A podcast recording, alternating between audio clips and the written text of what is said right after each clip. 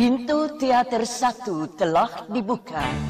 Bagi Anda yang telah memiliki karcis, silakan memasuki ruangan teater.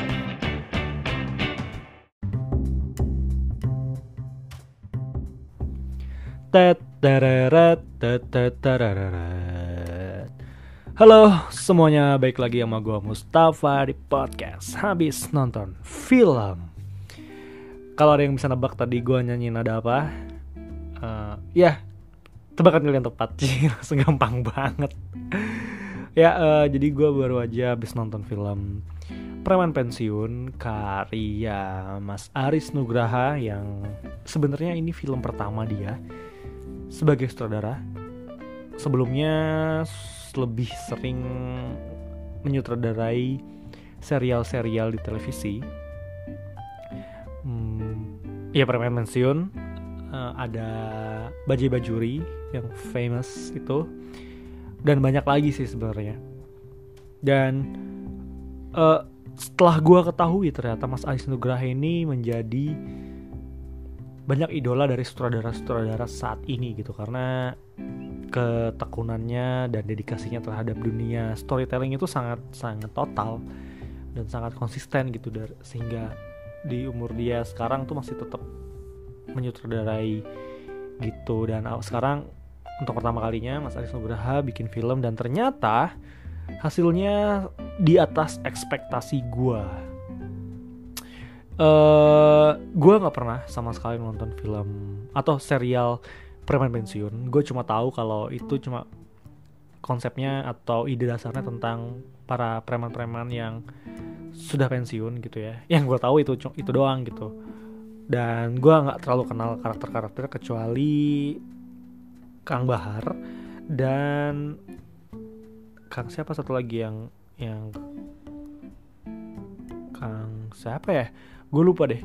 Pokoknya ada satu lagi yang cukup terkenal saat itu gitu dan ketika dulu gue dulu bekerja di Bandung itu setiap sore orang-orang nontoninnya preman pensiun dan serial ini tuh sangat menjamur di masyarakat Sunda, masyarakat Bandung dan sekitarnya karena akhirnya setelah sekian lama menunggu film ini ya bukan film ini akhirnya ada juga serial yang mengangkat tentang kebudayaan Sunda. Karena biasanya kita itu terlalu Jakarta sentris ya semuanya diceritakan dari sudut pandang Betawi lah Jakarta ya yang selalu digambarkan kalau metropolitan tuh ya Jakarta dan kalau berbudaya ya Betawi gitu yang yang sebenarnya gue juga nggak setuju gitu. Hingga saat ini masih sering terjadi di FTV FTV kita dan sinetron kita. Nah, setelah preman pensiun muncul tuh mudah mulai bergeser tuh. Kalau ternyata Sunda juga bisa menciptakan suatu cerita dan budaya yang bisa diterima oleh masyarakat luas gitu. Nggak cuma orang Jakarta Barat atau orang yang berkultur Sunda. Dan akhirnya preman pensiun itu meraih banyak fans atau penggemar. Itu kilas balik tentang apa yang gue tahu tentang permen pensiun dan gue sangat dekat dengan produser dan pembuat film Preman Pensiun ini tapi gue nggak mencoba menggali menggali sebenarnya film ini menceritakan apa sebelum gue nonton sendiri gitu. Dan gue emang nggak pernah ikut atau mencari tahu secara dalam tentang ceritanya apa tapi meskipun gue kenal gitu produksinya. Dari produser-produsernya gitu gue kenal. Dan gue nggak berusaha mencari tahu.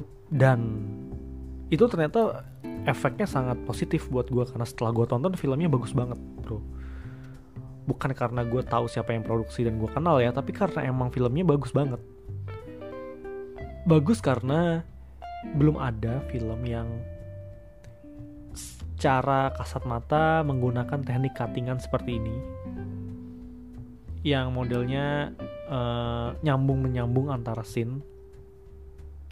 Dan itu dilakukan cukup banyak gitu dalam film. Ya mungkin ada satu atau dua untuk film di film-film lain tapi untuk film ini tuh banyak banget dan kalian akan tahu kalau ternyata cara berceritanya Mas Ars itu emang dengan gaya yang seperti ini gitu.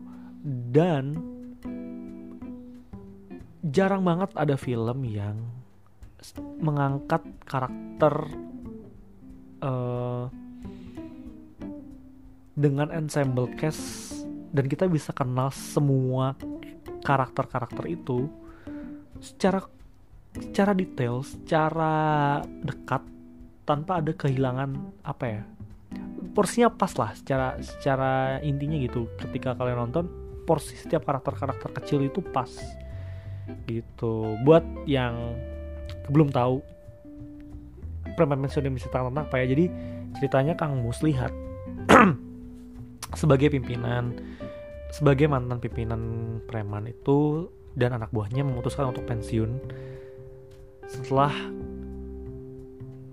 bosnya yang dulu Kang Bahar yang diperankan eh, oleh Didi Petet itu meninggal meninggal dunia. Jadi mereka sebagai preman memutuskan untuk pensiun dan tidak lagi berkecimpung dunia bisnis kepreman-premanan. Gitu. Dan mereka membuat bisnisnya sendiri. Ada yang bekerja sebagai jualan baju uh, Kang Mus sendiri sebagai bisnis kecimpring dan macam-macam lah ada yang jadi satu macam-macam. Dan ternyata kehidupan setelah menjadi preman itu juga berat bagi mereka. Mereka struggle untuk bisa menyelesaikan apa ya untuk bertahan hidup gitu dan tidak tidak balik lagi ke profesi itu. Dan sampai suatu ketika terjadi suatu pengeroyokan kepada seseorang yang akhirnya menimbulkan para preman-preman pensiun ini untuk secara tidak langsung dan secara langsung kembali ke bisnis kepreman-premanannya gitu secara secara garis besar gitu dan Kang Mus sebagai uh, mantan atasan mantan bos mantan pimpinan preman ini merasa dia harus bertanggung jawab dan dia harus menjaga mantan anak buahnya untuk tidak lagi kembali ke dunia preman. Gitu, secara garis besar itu. Kita melihat permasalahan di luar permasalahan Kang Mus. Bahwa anak buahnya ini mulai mulai memiliki masalah lagi dan mereka harus kembali ke dunia premanan dan Kang Mus harus menyelesaikan itu. Sebenarnya itu cara secara garis besar ceritanya. Tapi yang menarik buat gua sebenarnya film ini tuh gak punya konflik besar gitu sebenarnya nggak nggak ada konflik yang ketika lo nonton ya nanti nggak ada konflik besar yang dihadapi oleh Kang Mus hingga nanti akhir film muncul gitu nanti di film barulah ada ada masalah besar yang di, yang dijalani oleh Kang Mus. Tapi sepanjang film tuh nggak ada. Dan ada masalah pun itu cuma masalah-masalah kecil yang apa ya cuma berupa fragmen-fragmen dan menarik gitu. Yang jadi gue ketika ya kayak nonton Dilan deh. Dilan itu kan sebenarnya nggak punya masalah besar gitu.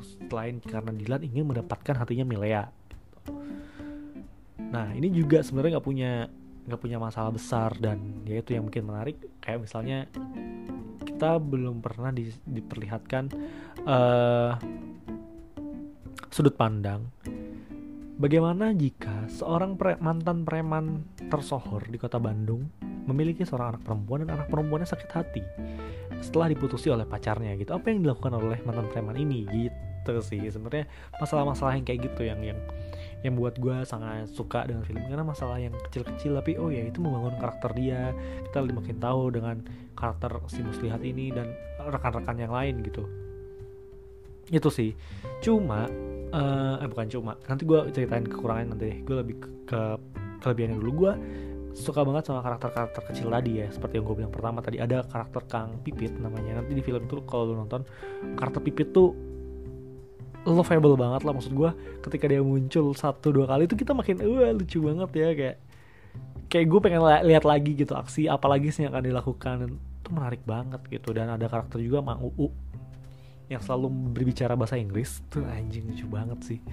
Kayak kayak apa ya kayak nah itu gue suka sama Mas Aris karena dia bisa bikin karakternya tuh hidup gitu. Dan mungkin karena basicnya membuat serial televisi jadi ketika lu nonton film ini lu berharap akan ada cerita selanjutnya. Apa sih yang akan dilakukan oleh karakter-karakter di dalam ini dan it's a very good story.